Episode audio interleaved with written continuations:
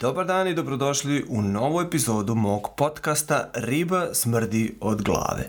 Danas ćemo pričati o home office-u i zašto ga poslodavci generalno ne vole.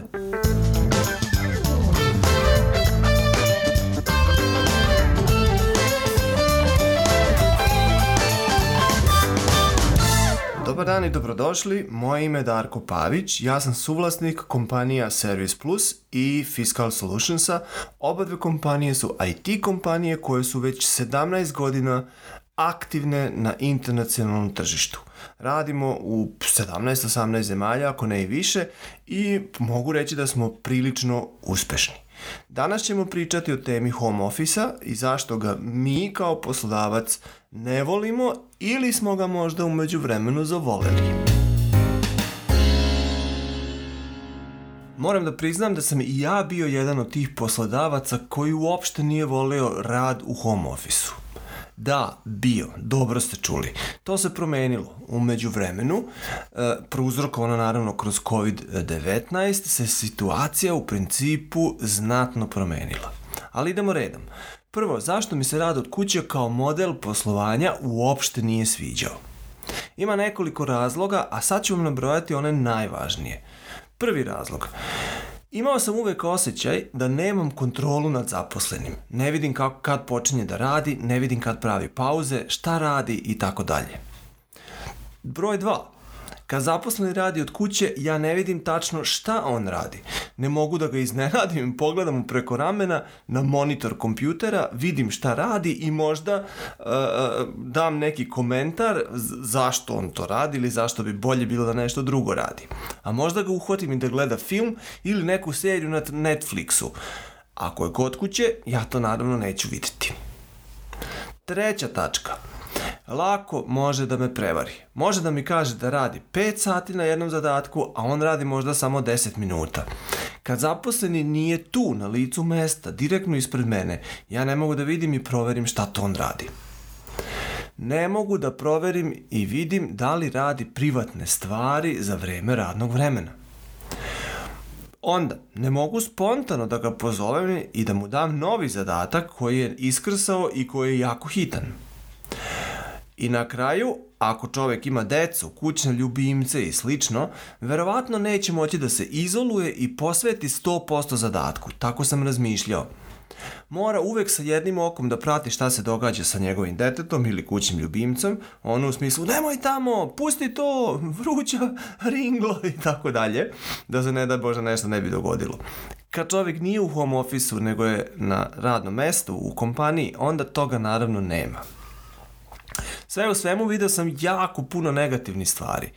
Sve te negativne stvari koje sam vam sada u principu opisao mogu se svesti na jedan zajednički nazivnik. Na kraju krajeva ja kao poslodavac gubim kontrolu nad radnikom ako je u home office-u.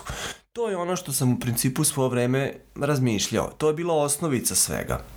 A onda se dogodila pandemija. I prisili na nas da svi radimo, skoro svi, od kuće. Situacija koja se dogodila zbog covid zbog pandemije, bila sledeća. Ili će se kompanija prilagoditi i promenuti način poslovanja i dopustiti i, i, i naučiti kako se radi od kuće, ili možemo zatvoriti kompaniju. Mi smo se naravno počeli menjati, jer to je bio jedini, jedini način da preživimo. U tom procesu promene, prisiljene promene, ja sam shvatio neke stvari koje su znatno promenule moj način gledanja na čitavu situaciju. Evo šta sam naučio. Ja sam u principu želeo svo vreme imati kontrolu nad zaposlenima, ali sam shvatio kroz ove promene da ja nju ne mogu imati. I to ma gde god oni radili. Radili kod kuće ili radili u, u kompaniji, ja svejedno nemam kontrolu nad tim šta radnik u principu radi. Kad je, ofis, kad, je, kad je čovjek u ofisu, kad je radnik u ofisu, u kompaniji, e, može da radi po onom principu, drži knjigu, a u knjizi strip. Znači, ja ako nadređeni mislim da on čita knjigu, a on u principu čita e, strip. Ne čita Tolstoja, nego Alan Forda. I kako ja to da znam? Ako se radi o programeru ili sličnom zanimanju, on možda gleda u svoj kod na ekranu i gleda, i gleda, i gleda, i gleda. Ti kao poslodavac misliš da on razmišlja o problemu i da nastoji naravno dalje da programira, a on misli u principu o plaži na Tajlandu. E, onda, znači, to što se tiče teme kontrole, koju čovek uopšte nema ma gde god radnik bio. Što se tiče ostalih tema, na primer, količine, uh, koliko radnik u principu u home office radi. Pa većina zaposlenih radi u home office daleko više nego u kompaniji. A zašto je to tako? Zato što nema pravo radno vreme. Čovek radi kad stigne, a, a to kad stigne i kad može, to je većinom u sumi više nego kad čovek ima striktno radno vreme. To je ono ko kad ne želite da jedete nešto, pazite da smršate, a onda kad god prođete pored nečeg lepog, vi onako čvaknete malo. I onda to čvakne malo, čvakne malo, bude na kraju više nego da sam jeo sasvim normalan obrok. Ovo je ista stvar. Ima ljudi naravno koji zloupotrebljavaju home office i naravno onda u home officeu manje rade, više rade privatne stvari i tako dalje.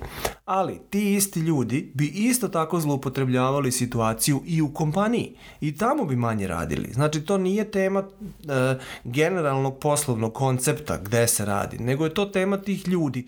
Neki ljudi su jednostavno takvi da zloupotrebljavaju takve stvari i oni su takvi ma gde god i kako god radili. Da bi kompanija ostvarila dobre rezultate, mora postojati naravno dobar tim koji zajednički radi na tim rezultatima.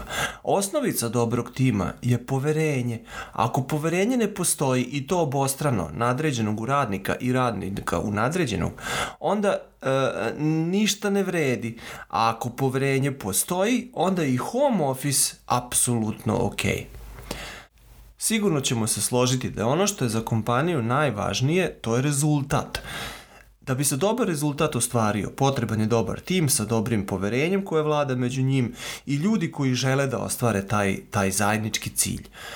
Ako oni to na tome rade i ostvaruju rezultate, onda je svejedno da li su u, na Madagaskaru, na mesecu ili u home officeu činjenica. Međutim, tu postoji jedan veliki problem, a to je problem menadžmenta. Ako je menadžment takav da ne zna da da zadatak koji je jasan, konkretan i koji vodi do rezultata i do cilja, onda će i radnik koji treba da ga ostvari lutati, ići levo, desno i tako dalje i neće moći ostvariti na, naravno svoj rezultat. Ali ista stvar bi se dogodila i da nema home office-a. Samo što se u home office-u ova situacija lakše i transparentnije vidi. Znači, drugim rečima, home office otkriva transparentno i slabosti menadžmenta koji nije u stanju da vodi ljude uh, koji su onda remotely, tako reći, odnosno udaljeni, nego su mu neophodni ljudi koji su kod njih i onda ne, ne, ne vodi te ljude planski i strategiški, nego u smislu management by exception. Ono, skoči, uradi, e, sad ovo, sad ono i tako dalje. Dobro, toliko o tome šta sam, od, odakle dolazim u smislu razmišljanja u kontekstu home office-a i kako sam se promenio u kontekstu ove pandemije e, koja nas je prisilila naravno sve da se menjamo. Ali sad se postavlja pitanje kako dalje? Šta će se dogoditi nakon pa, pandemije? Kako ćemo tada funkcionisati? Pa ja mislim ovako da rad u fizičkim uredima polako izumire. Mislim da kancelarije kao takve neće biti više neophodne i pandemija je to više nego pokazala. I ako projiciram sad neku viziju u narednih 10-15 godina, mislim da će koncept ofisa i kompanije kao što ga znamo pre pandemije kompletno umreti. Mislim da je nastupila nova era i da će se kompanije morati prilagoditi ili će jednostavno nestati, odnosno imaće problem da nađu dobre radnike, zato što će radnici želeti ono nešto drugo ja mogu da kažem za sebe da ću se potruditi svim silama, gde god je to moguće, da zadržim koncept rada od kuće. Naravno, to nije uvek moguće i to ovisi o profilu i radnom mestu, naravno, koje, koje neko uh, izvršava. A, ako je neko servisni tehničar i mora da izlazi na teren da bi popravio nešto što se upravo dogodilo kod, kod mušterije, on ne može da radi od kuće, vrlo jasno. Ali mislim da je na puno pozicija koje mi u našim kompanijama imamo, rad od kuće moguć. I na tim radnim mestima ja ću se truditi da on i ostane kao takav. Um, Na drugoj strani mislim isto tako da home office, odnosno rad od kuće, neće biti moguć 100%. I to skoro pa za sve e, profile i za sva radna mesta. Zašto to mislim? Zato što mislim da smo mi svi socijalna bića, posebno u kontekstu zajedničkih timova i zajedničkih ciljeva i kompanijskih ciljeva i mislim da su nam ljudi u timu neophodni i da nam je neophodna socijalna interakcija sa tim ljudima na fizičkom nivou, ne samo na virtualnom nivou. Tako da ja mislim da će u našim kompanijama biti jedna kombinacija e, između home office-a i fizičke prisutnosti onda u kompaniji. Mislim da je neophodno imati barem jedan ili dva dana nedeljno gde se timovi vide razmene iskustva, razmene informacije, dogovore o nekim stvarima ili jednostavno vide se i ostvare tu neku vezu koja je moguća jedino ako se čovek vidi. Kako izgleda moja vizija? E, šta je ono što bi ja u dalekoj budućnosti, ili možda ne čak ni daleko, nego srednjoročno, video kao neki vizionarski cilj? Pa moj, moja vizija je da koncept ureda kompletno nestane u našoj kompaniji. Šta to znači? Ja mislim da je dobar deo onoga što mi radimo, odnosno za dobar deo onoga što mi radimo, koncept tog ureda i nije potreban. Voleo bi imati koncept Starbucksa, pod navodnicima, u koji dolazimo da se družimo, razmenjujemo informacije, agiramo sa timom, e, stvaramo tu bliskost i vezu koja je neophodna na fizičkom nivou i tako dalje. Ili jednostavno Starbucks pod navodnicima u koji bežimo od kuće da bi, da bi imali malo mira i mogućnosti da se koncentrišemo na nešto drugo. Verujte mi, postoja i ti kompanije u Americi koje nemaju svoje urede i gde se kolege sreću isključivo u Starbucksovima, e, znači u, u kafićima, tako reći, i rade tamo. Rade, znači, generalno od kuće, a održavaju sastanke e, u tim kafićima ili čak i rade u tim kafićima. Tamo je to normalno. Pored našeg privatnog kafića, kojeg bi želeo da imamo, u kojem se onda susrećemo kao IT kompanija, želio bi da imamo vežbonicu i dve, tri prostorije za konferenciju. Znači, ja vidim viziju mog ofisa u budućnosti je kombinacija Starbucksa, vežbonice i dve, tri prostorije za konferencije gde možemo da održavamo sa timske sastanke ili možda čak i sastanke s mušterijama ili već šta je neophodno kad neko želi da se na neki intimni način druži. Mislim da ništa više od toga neće biti potrebno u budućnosti i da će svi moći u principu da rade od kuće, a da će se na ovim mestima, znači ovim kombinacijama koje sam sad uh, uh, opisao, ljudi sastajati i imati taj fizički dodir koji je neophodan za ostvarenje cilja kompanije. Interesantno kako sam iz jedne krajnosti upao u drugu krajnost. Jedna krajnost je bila home office nikako, a druga krajnost u kojoj sam sada je najrađe bi želeo da nemam ofise, apsolutno, da imam samo vežbonu, Starbucks i dve, tri konferencijske sale i to je to. Nadam se da će ta vizija moći brzo da se ostvari zato što mi se baš sviđa.